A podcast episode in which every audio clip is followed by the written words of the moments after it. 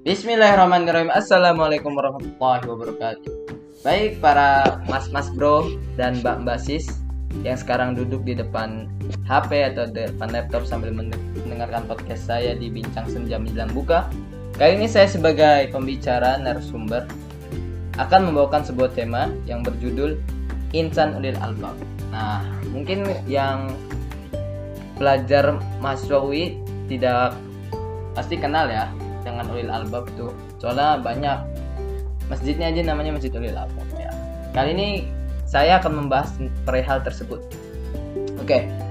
Sebelum itu saya akan membacakan surat Al Imran ayat 90 sampai 91 untuk lebih menjelaskan apa makna Ulil Albab tersebut أعوذ بالله من الشيطان الرجيم. بسم الله الرحمن الرحيم. إن في خلق السماوات والأرض واختلاف الليل والنهار لآيات لأولي الألباب.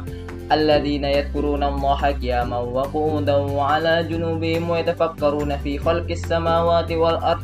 ربنا ما خلقت هذا باطلا سبحانك فقنا عذاب النار. صدق الله العظيم.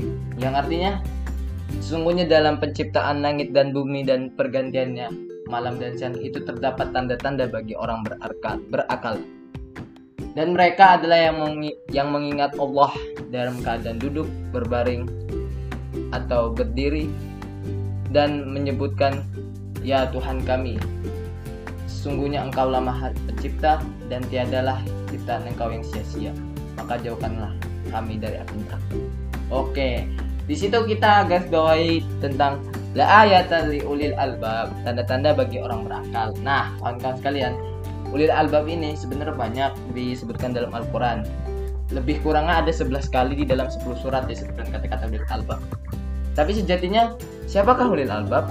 Ulil albab menurut para ulama adalah orang-orang yang berakal yang mempunyai kekuatan spiritual dan realitas nyata. Maksudnya gimana? Dia mempunyai kecerdasan dan pengalaman yang lebih daripada manusia-manusia lain. Istilahnya kalau kita di game tuh dia punya skill ulti, kalau nggak di anime dia punya overpower.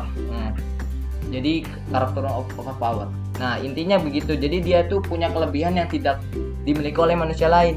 Tapi yang jadi pertanyaan, apakah ulil insan ulil albab ini hanya dipilih seperti kayak Rasul? Jawabannya tidak. Sebenarnya insan ulil albab itu bisa diraih oleh kita sebagai manusia. Yang penting kita belajar seperti hal, hal layaknya pelajar yang lain untuk mencapai derajat lila albab. Oke, cukup sampai sekian. Mungkin udah mau berbuka. Wassalamualaikum warahmatullahi wabarakatuh.